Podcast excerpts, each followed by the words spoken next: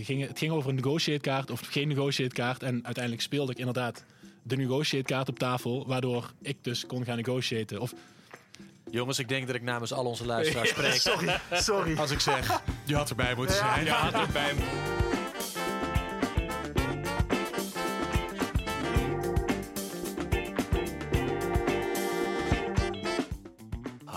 welkom bij Spelen wat de bot schaft. De podcast waarin wij elke week een bordspelmenu opnemen. Voor jouw volgende spelletjesavond. Ik ben helemaal...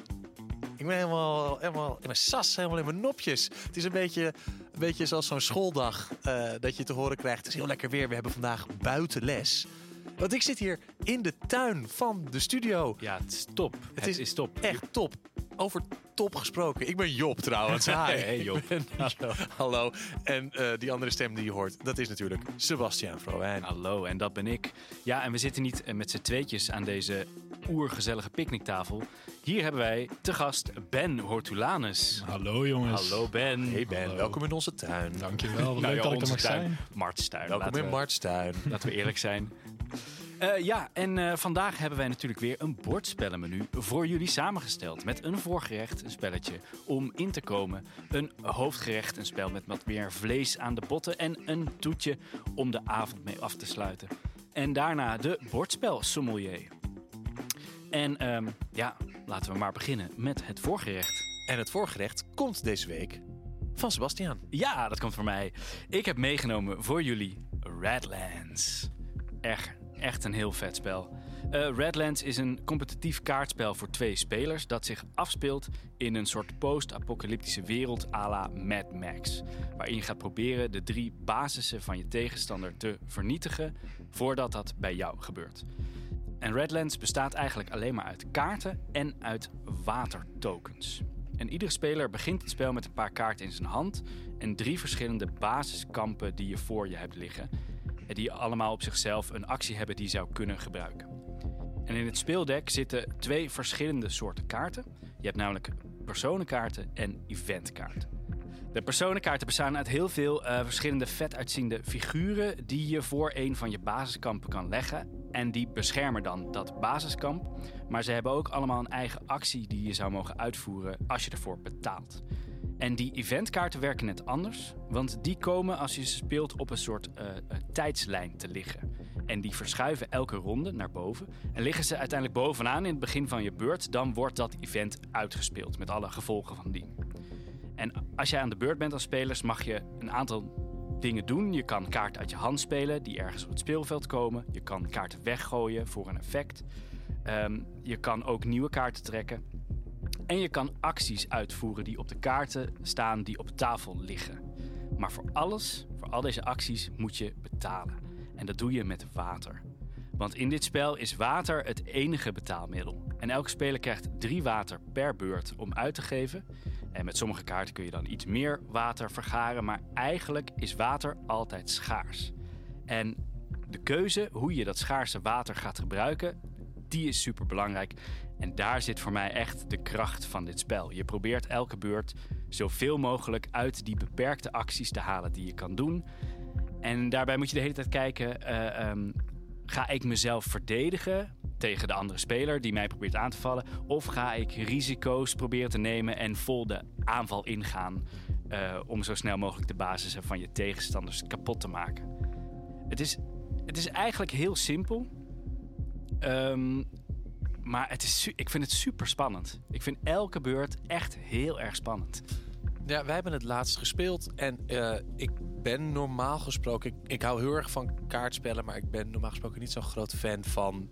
De, de trading card-achtige, we hadden het er net aan de voorkant al heel even over. Ik heb dat nooit zo heel erg... Nee, de Magic-achtige spellen. Nee, ik heb het wel allemaal wel eens aangeraakt in mijn jeugd. Hè? Het is allemaal eens, je bent jong, je experimenteert. Ja. Maar het, het wou niet echt eh, beklijven. Maar we speelden dit. En wat ik hier heel erg leuk aan vond, was mijn idee bij dat soort spellen is meestal dat mensen hebben een heel erg doordacht, samengesteld spel kaarten waar ze heel veel geld in hebben gestoken zodat het een heel goed spel kaart is. En ze weten precies wat erin zit en ze hebben allemaal strategieën en synergy en dat soort dingen. En dit voelde gewoon alsof ik een, een stapel chaos voor me had. En dan om beurt mocht je dan een kaart trekken en dan keek je naar je hand en dacht sorry wat kan ik doen nou ja, oké, dan heb ik dit volgende ronde gewonnen. Heel chill. En dan speelde je die kaart. En dan was jij aan de beurt en dan trok jij kaart en die speelde je. En dan las ik die en dacht, sorry, wat mag jij doen?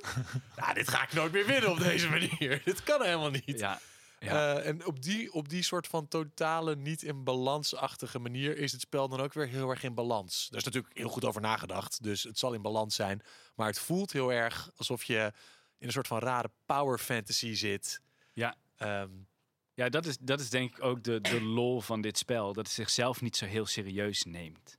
Want jij hebt het ook heel veel gespeeld, toch? Ik heb het zeker veel gespeeld. Ik heb het toevallig vorig weekend nog gespeeld tegen mijn broer. En het, op het begin klikte het totaal niet bij hem. Ehm, toen we iets verder waren, toen zat hij in zijn laatste beurt volgens mij. En hij pakte ineens zes of zeven kaarten uit zijn handen. Veel te lang opgespaard. En hij legt een of andere bizarre combinatie aan kaarten neer. Die echt de meest zieke combinatie die je Ja. ooit kan spelen. En het is, ja, dat, dat doet dit spel wel altijd bij me. Het verrast me iedere keer. De stapel is vrij groot Ja. van kaarten die je kan spelen. En er zijn eindeloos aantal combinaties die je kan spelen. Wat voor mij het spel heel tof maakt.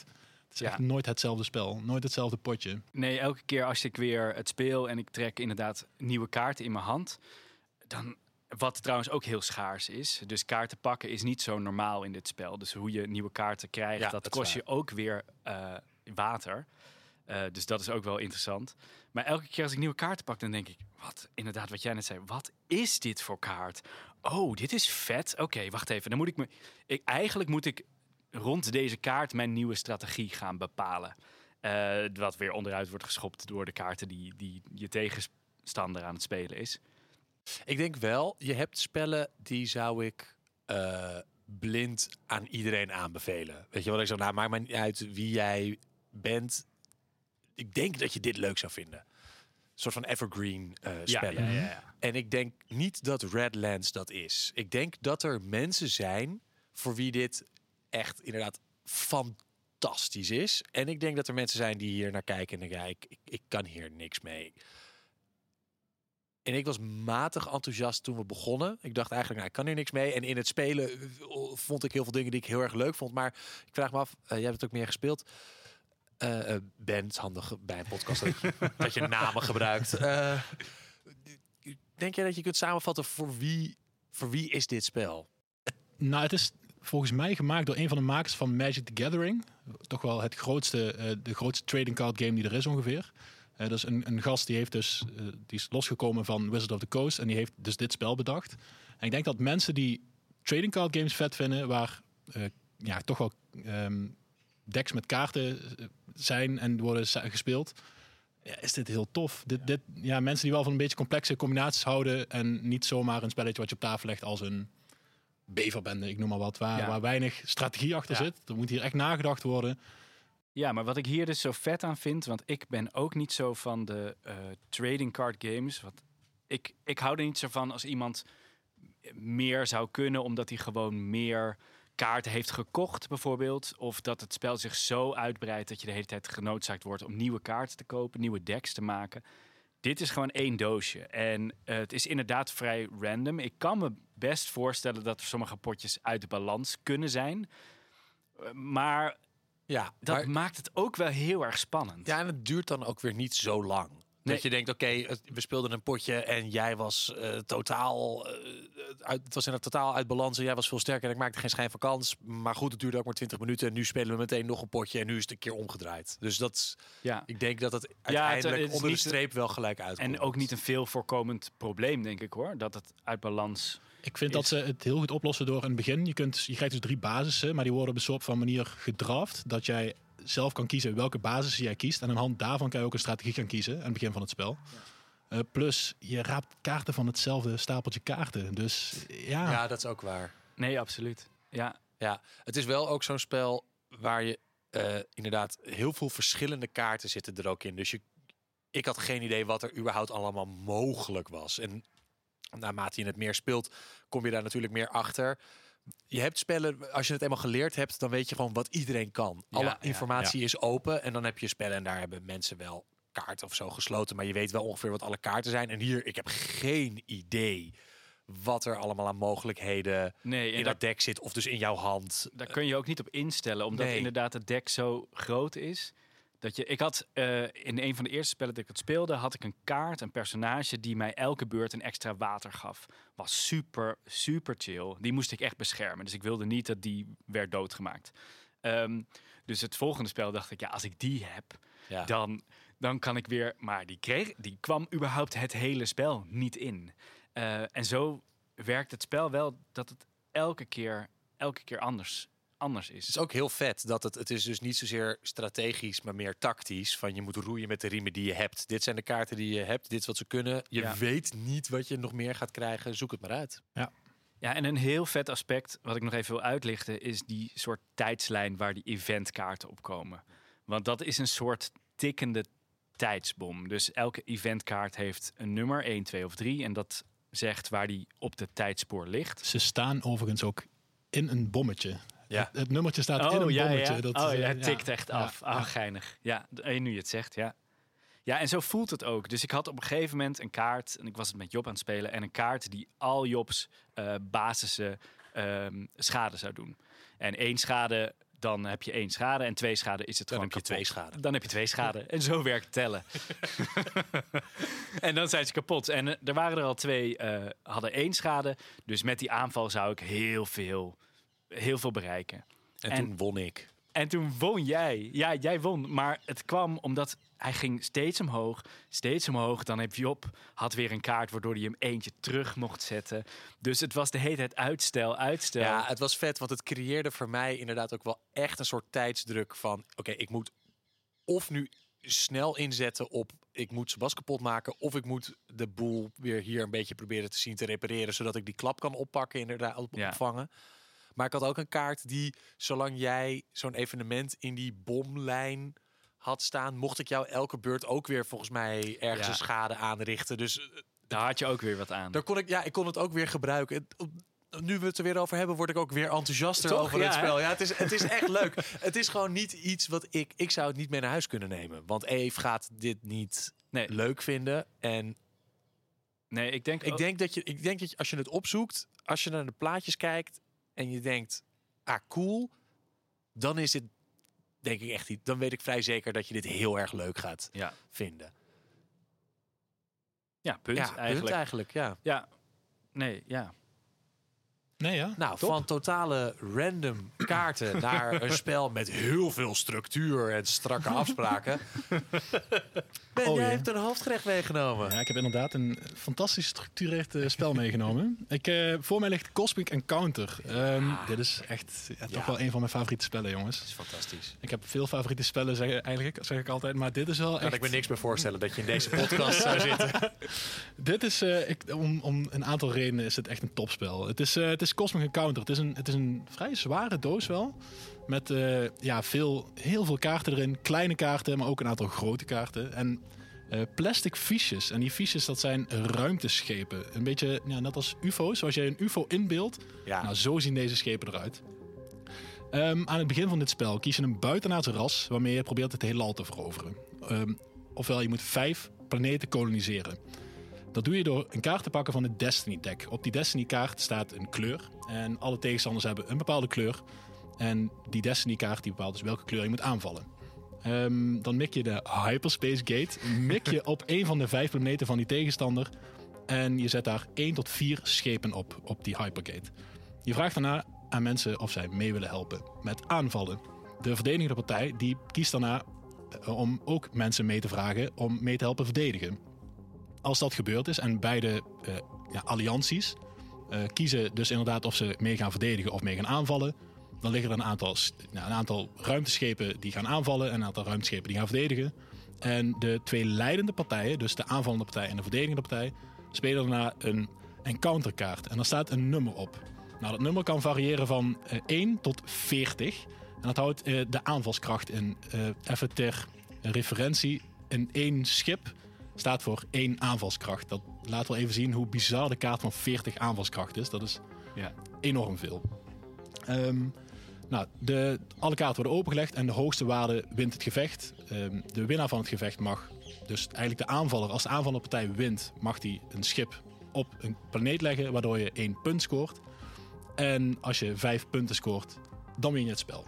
Dit is de structuur die nog te vinden is in het spel. Eh, daarna komt er een hele hoop ja, bizarre dingen die er eigenlijk zijn. Eh, dit, dit is de structuur. Wat, wat er nog meer kan gebeuren.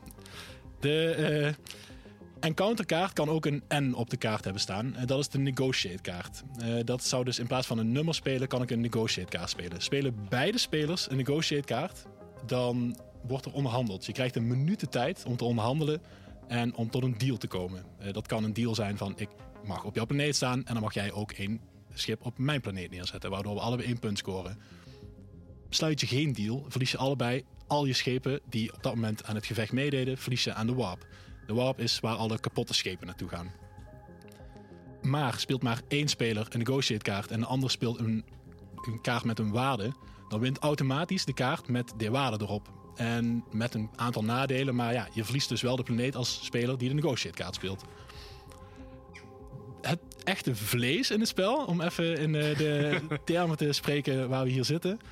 Ja, dat zijn toch wel echt de alien powers de- die je aan het begin kiest. De alien powers, er zijn 50 verschillende soorten aliens.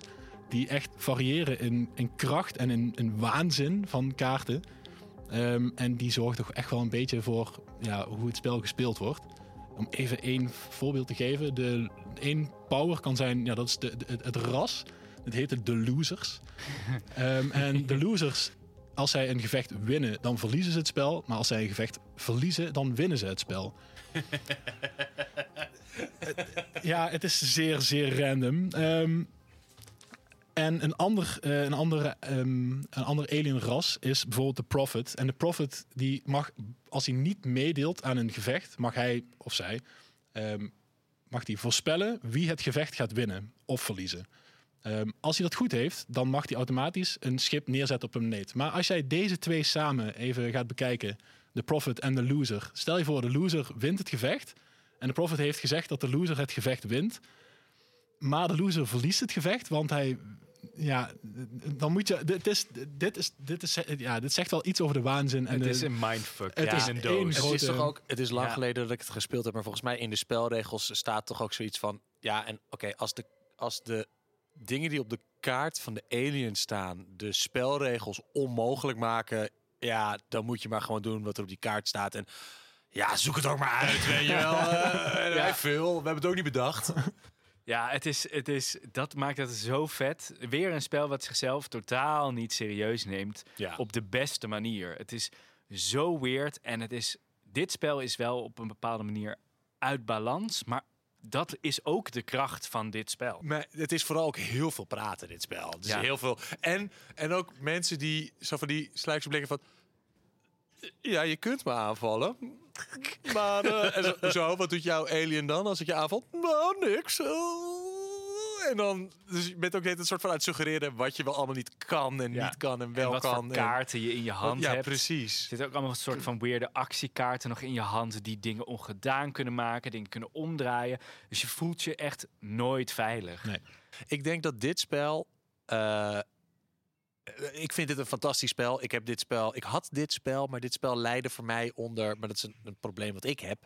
Is dat ik de hele tijd nieuwe spellen koop. Omdat ik een probleem heb. En dan heb ik een groep vrienden met wie ik die spellen speel. En dan. ehm, kom ik de hele tijd dus met nieuwe dingen aanzetten. En Cosmic Encounter eh, moet je eigenlijk gewoon met een groep mensen moet je zeggen, we gaan dit spelen en we gaan gewoon het komende jaar gaan we eigenlijk gaan we dit 30 keer spelen of zo. Want je moet even door die eerste. Het eerste potje is een beetje onwennig, omdat is je vreemd, ja. Dat je Ja. denkt, hè, wat, wat doen we? En Waar? Huh, Oké. Snap het niet. Wat zijn nou de regels? En als je dat, als je eenmaal omarmd hebt, dat je daar ook maar een soort van on the fly uit moet achter zien te komen, hoe wat de regels precies zijn in dat specifieke potje, Ja. dan wordt het, dan gaat dit spel vliegen. En daarvoor heb, speelde ik het gewoon niet regulier genoeg. ja, als je in Maar nu ik weet dat Ben eh, het heeft, Ja, ga ik precies. dus heel veel met Ben spelen. Graag. Als, als iedereen het tenminste één keer heeft gespeeld en een beetje heeft ge- gemerkt wat er allemaal mogelijk is, dan wordt het inderdaad heel leuk. Want ik weet nog wel, Ben, we hadden, we hebben een potje gespeeld. We hebben wel- zeker een potje gespeeld. dat was een episch potje. Maar daar was zoveel backstabbery en zo, het was, ah, dit was echt madness. Als je nu hier naar luistert en je denkt. Oh, ik ga dit eens opzoeken. Ik heb hier nog nooit van gehoord. Ik ga dit eens opzoeken. Dit klinkt echt super vet. En je ziet de doos. Dan Ja. kan het zijn dat je eerste reactie is: Oh nee, laat maar. Dit is niet voor mij. Want de doos is een keuze. Eh, ja, ik, ja, ik vind het, ja, nee, ja, ik vind het vet, maar ik, maar het, het is ook wel. Ik kan me voorstellen dat er mensen zijn die als dit er meer uit zou zien als. eh, hoe heette dat spel ook alweer? Die uitvinder van de Sims had op een gegeven moment een computerspel gemaakt waarin je Een ruimtewezentjes. spoor. Ja, waar je een soort van schattige cartoony aliens ging maken. Weet je, als het er zo uit zou zien, dan zouden mensen denken: oh, oké, ja, het is een beetje weird en we gaan. Maar dit is- denk je, oké, dit is een soort van rare hardcore Ik- ik zou- horror sci-fi. laat het heel even Super zien. nerdy. Ja. Dit, eh, Aan de camera. Maar het grappige is dus, ik eh, heb een eh, nicht en die houdt ook heel erg van spelletjes. Maar daar heb, speelde ik spelletjes mee als Exploding Kittens en Besserwisser en zo, weet je wel. Dus heel houteurige spelletjes, heel competitief, maar niet, niet de weirde Ja. spullen. Maar die bleek het dus ook heel veel te spelen met vrienden. Die zeggen, het is een fantastisch spel. En ik denk, ja, dat is ook zo. Ja. Dit is alweer een spel, dat zou ik voor iedereen neer durven zeggen. En durven zeggen, luister, vertrouw me. Geef mij anderhalf uur van je tijd. En je gaat dit vet vinden. Sterker nog, ik heb dit echt vaker gedaan. Vaker inderdaad met mensen gespeeld die, dit, die nooit spelletjes spelen. Ja. Echt nooit. En gezegd, dit is een spel, je moet gewoon... Hou elkaar voor de gek. En het, is, het, het, het gaat nergens over. De een heeft een ontzettend sterke kracht. De ander heeft een kracht die er helemaal niet toe doet. Ja. Maar je zult zien, degene die de kracht die er niet toe doet, kan gaan winnen. Als je maar gewoon genoeg kan houden hoeren. Ja. En ja, mensen voor de gek kan houden, dan kun je dit spel winnen. En dat maakt het spel wel echt eh, ja, heel erg tof. ja. Ook, ja, ook in het potje wat wij gespeeld hebben. Heb je mij flink genaaid. Ik heb je... Je hebt iedereen genaaid. Ja, Oh. ik, ik- Ben speelde een fantastisch dubbelspel. Je had allemaal beloftes gemaakt. En eh, toen gebeurden er dingen. En Ben speelde dat zo goed. Die deed echt alsof het het einde van zijn wereld was. Zo, ah, ja, dan, dan heb ik niks meer. En iedereen was zo, oké, nice. En toen pakte hij een kaart uit zijn deck en die speelde die. En toen... Had je toen gewonnen meteen? Ja. Nou, nee, nee, nee. Jij zou gaan winnen. Eh, en je moest volgens mij tegen mij vechten voor de laatste planeet. En we gingen, het ging over een negotiate kaart of geen negotiate kaart. En uiteindelijk speelde ik inderdaad de negotiate kaart op tafel. Waardoor ik dus kon gaan negotiaten. Of, Jongens, ik denk dat ik namens al onze luisteraars spreek. sorry, sorry. Als ik zeg, je had erbij moeten zijn. Ja, had erbij moeten zijn. Nee, maar creëer dit voor jezelf. Als je iemand kent die dit, die dit spel heeft, of je denkt, nou, ik ga het gewoon kopen, of je speelt hem in een spellencafé, doe jezelf een lol, want Ja. dit is geweldig. Ja, Ja. zorg ervoor als heb je een heb je een spelletjesgroep, koop collectief één exemplaar. Ja. Weet je, iedereen zou dit ergens in zijn nabijheid moeten hebben. Ja. Ja, en ik ben heel blij om te weten dat ik dat nu ook weer heb. ik wist even niet dat jij hem had. Call ja, nee, zeker. me. Ik had helemaal goed.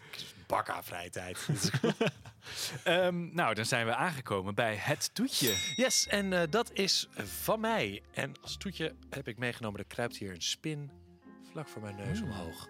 Eh, we, zijn echt, we zijn echt ruw bezig hier in de natuur Echt wild. van Amsterdam-West. Aan het wild podcasten zijn we. Oh, kijk, dat is Freek Vonk. Het spel wat ik heb meegenomen heet Why I Other.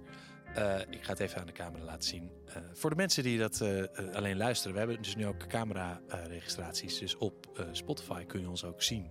Ja. En er komen dingen op onze Instagram, het spelen wat potschaft. Ehm, even de kleine, even de socials Ja, uh, tussendoor goed, droppen. Compliment dat ik ben. Why I Other is een kaartspel voor twee personen. Het bestaat uit slechts 18 kaarten. Eh 1 tot en met 6 in drie kleuren: rood, geel en blauw. Het is een slagenspel, net zoals toepen of klaverjassen. Dat wil zeggen, eh, de ene speler die speelt een kaart, de andere speler die speelt een kaart en de beste kaart die wint. Maar in tegenstelling tot toepen en klaverjassen eh, hoef je bij dit spel, Why I Other, hoef je geen kleur te bekennen. Dus dat betekent bij toepen, als ik een ruiten speel en jij hebt ook een ruiten in je hand, dan moet jij ook een ruiten spelen. Omdat ik om ruiten heb gevraagd, ook al zou je die liever willen bewaren. Wind. Sebas doet even het geluid van de wind na. In dit spel is dat niet zo. Als ik een eh, blauwe 6 speel, dan mag jij ook een totaal andere kleur spelen. Waarom zou je dat doen? Omdat de definitie van de beste kaart in dit geval wat anders is. Er zijn twee manieren waarop je namelijk een slag kunt winnen in dit spel. Als allebei de spelers een kaart van dezelfde kleur spelen, dan wint het hoogste getal. Dus een 6 wint altijd, een blauwe 6 wint altijd van een blauwe 5. Maar alle drie de kleuren zijn ook in een soort steen-schaar-papier verhouding met elkaar. Dus een blauwe kaart wint altijd van een gele kaart. En een gele kaart wint altijd van een roze kaart. En een roze kaart wint altijd van een blauwe kaart. Dus dan maakt het getal niet meer uit. Een roze 1 wint altijd van een blauwe 6. Dat betekent dat als je de tweede speler bent in dit spel, dat het vrij makkelijk is om een slag te winnen. Want de ander legt een kaart neer en de kans is groot dat jij of een kaart van dezelfde kleur hebt met een hoger getal, of een kaart van de kleur die de kleur van de gespeelde kaart verslaat. En bij Why I Other is het dus niet de vraag: kan ik de slag winnen, maar wil ik de slag winnen?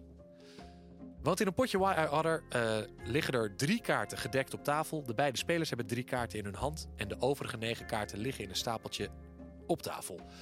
De startspeler die speelt een kaart, de andere speler speelt een kaart. De winnaar van de slag krijgt allebei die gespeelde kaarten. En die legt hij open voor zich neer. Dit zijn de kaarten die aan het einde van het spel punten scoren. Dus het is heel belangrijk om slagen te winnen. Want daarmee scoor je punten om uiteindelijk het spel te winnen. De meeste punten wint. De verlies, eh, daarna mag de winnaar van de drie gedekte kaarten eh, die op tafel liggen, die mag je alle drie pakken. Hij mag er naar kijken en hij mag er eentje kiezen om weer in zijn hand te steken, zodat hij weer drie kaarten in zijn hand heeft. De andere twee kaarten gaan naar de verliezer. Die kiest er ook eentje om in zijn hand te steken. Maar de kaart die overblijft, die legt hij gedekt naast de tafel. En dat is ook heel belangrijk, want alle kaarten in Why I Other zijn dubbel geprint. Dus aan de ene kant staat een kleur en een getal, maar aan de andere kant staat een scoringsvoorwaarde. Bijvoorbeeld de speler met de meeste vijven voor zich, die wint. Of die krijgt er twee punten. Of de speler voor elke vier die een speler heeft, krijgt die speler een punt. Dus het is ook heel belangrijk om soms slagen te verliezen. Want als je slagen wint, dan win je de kaarten om punten mee te scoren. Maar als je slagen verliest, dan kun jij bepalen welke kaarten punten scoren. Ik kan wel heel veel vieren winnen, maar als er geen enkele voorwaarde tussen zit van die vieren leveren jouw punten op, dan verlies ik aan het einde alsnog. Zo gaat het door. Uh, vier rondjes lang. Dan liggen er vier scoringsvoorwaarden. Dan hebben de spelers nog steeds drie kaarten in de hand. Die speel je dan gewoon uit. Vervolgens kijk je naar wat heb ik voor me liggen, hoeveel punten levert mij dat op. En de speler met de meeste punten, die wint.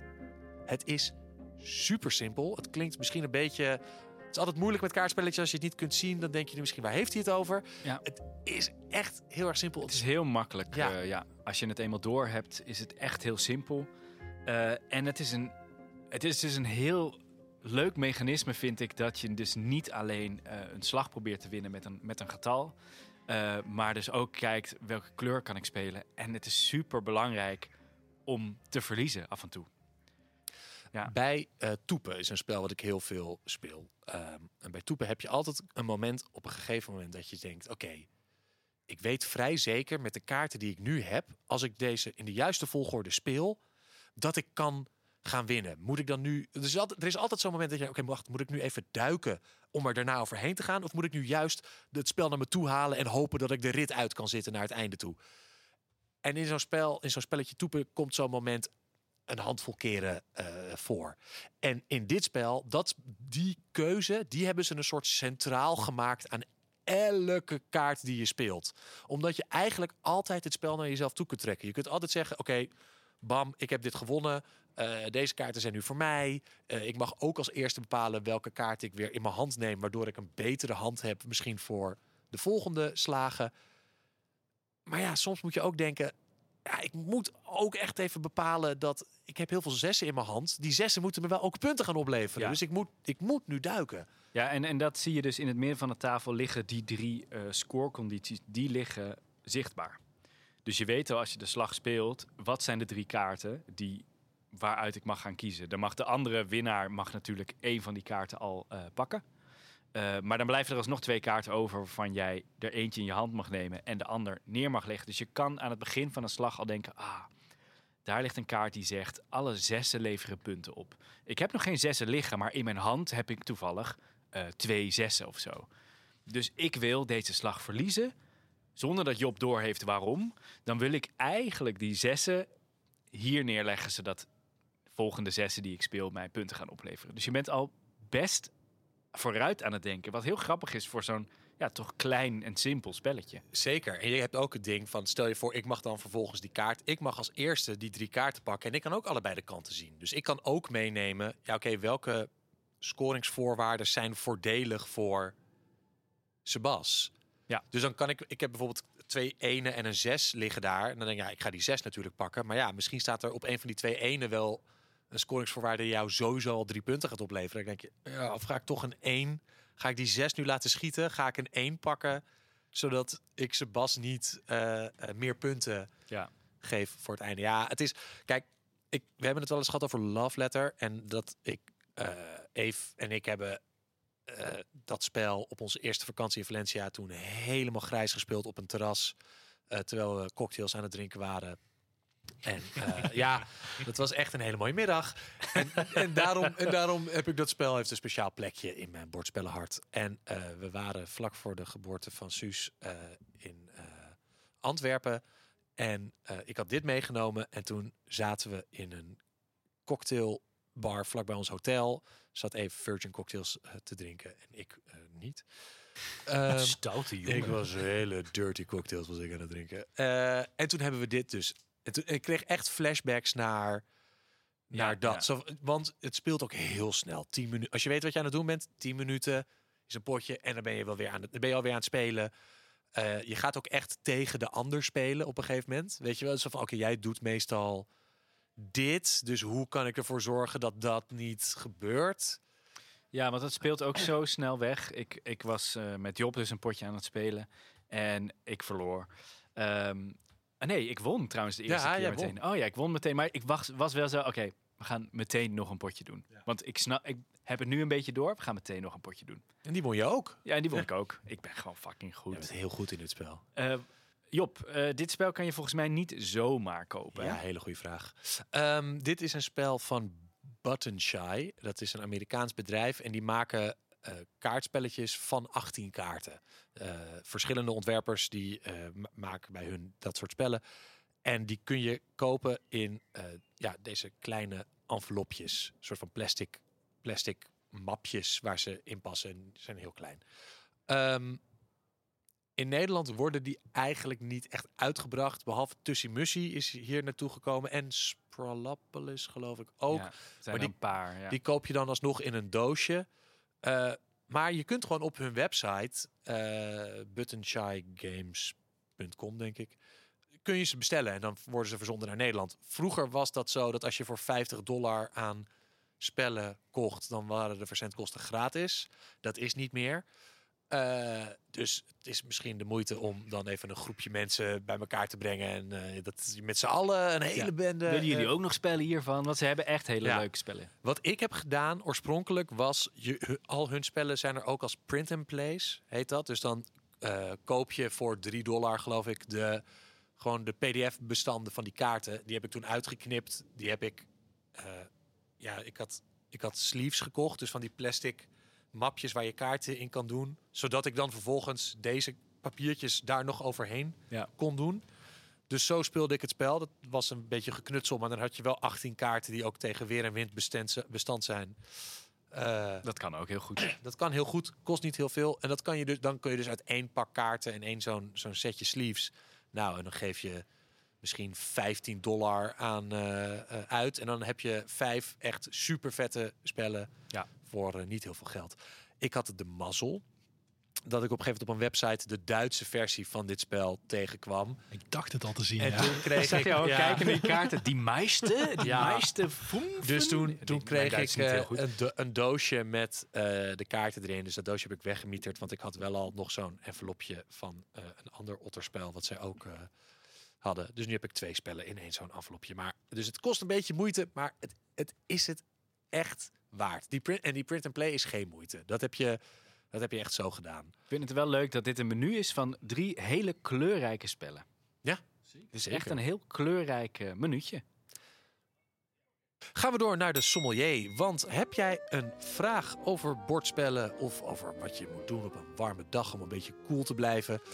Of wat er precies in een dirty martini gaat? Die kun je aan ons stellen. Eh, je kunt ons mailen, spelenwatdepotschaft@gmail.com. Je kunt op Instagram in onze DM's sliden, spelenwatdepotschaft. Op Facebook zijn we Spelen Wat de. Eh, daar kun je onze vraag stellen. Net zoals Sander. En eh, deze vraag is vers van de pers, want Sander zegt... eh, hi Job, Sebastiaan en gast. Nou, Ben. Hallo. Hallo Sander. In de laatste podcast had Sebas het over een computerversie van The King's Dilemma. Mijn vraag is, spelen jullie vaker computerversies van bordspellen? Dat is een goede vraag. Eh, en dan neem ik aan, eh, dus gewoon hetzelfde spel, maar dan op, op online of op internet of Nou op ja, een app. Het is wel goed om te zeggen, er zijn inderdaad best wel veel apps gemaakt door bordspelontwikkelaars van hele populaire eh, spellen. Ja. Dus, eh, Catan heeft een app. Ja, eh, wat ik heel leuk vond was, ehm, wij waren en wij is onder andere Job heel erg geïnteresseerd in Root, dat bordspel, maar dat is een flinke aankoop. Ja. En het was ook nog eh, ja, spannend van gaan we het leuk vinden. En die hebben een hele chille app. En op die app kun je het ook leren, want de leercurve van dat spel is, is best een beetje hoog. Maar dat was echt top. Je kon een soort tutorial ingaan. Het was heel leuk geanimeerd, dus ze hadden niet gewoon het bordspel zoals die op tafel ligt, maar ze hadden er echt iets meer mee gedaan. Dat vond ik heel erg goed werken. Ehm, ja, Ik vind ehm, wat ik heel tof vind aan apps. Ik heb zelf ook een aantal apps op mijn telefoon. met Met vet. Heb je wat, eh, wat voor apps heb je? Ik heb WhatsApp. de Abinamro app en ik heb ook de... ik, heb, ik heb zelf eh, Patchwork op mijn eh, telefoon als app staan. En er zitten een aantal voordelen aan, aan dit soort apps. Ehm, ten eerste, bij Patchwork is dat niet heel erg het geval, maar je hoeft niks op te zetten. Ja. Het is een druk op de knop. En je hebt het spel voor je liggen. En je kunt inderdaad het spel heel snel leren.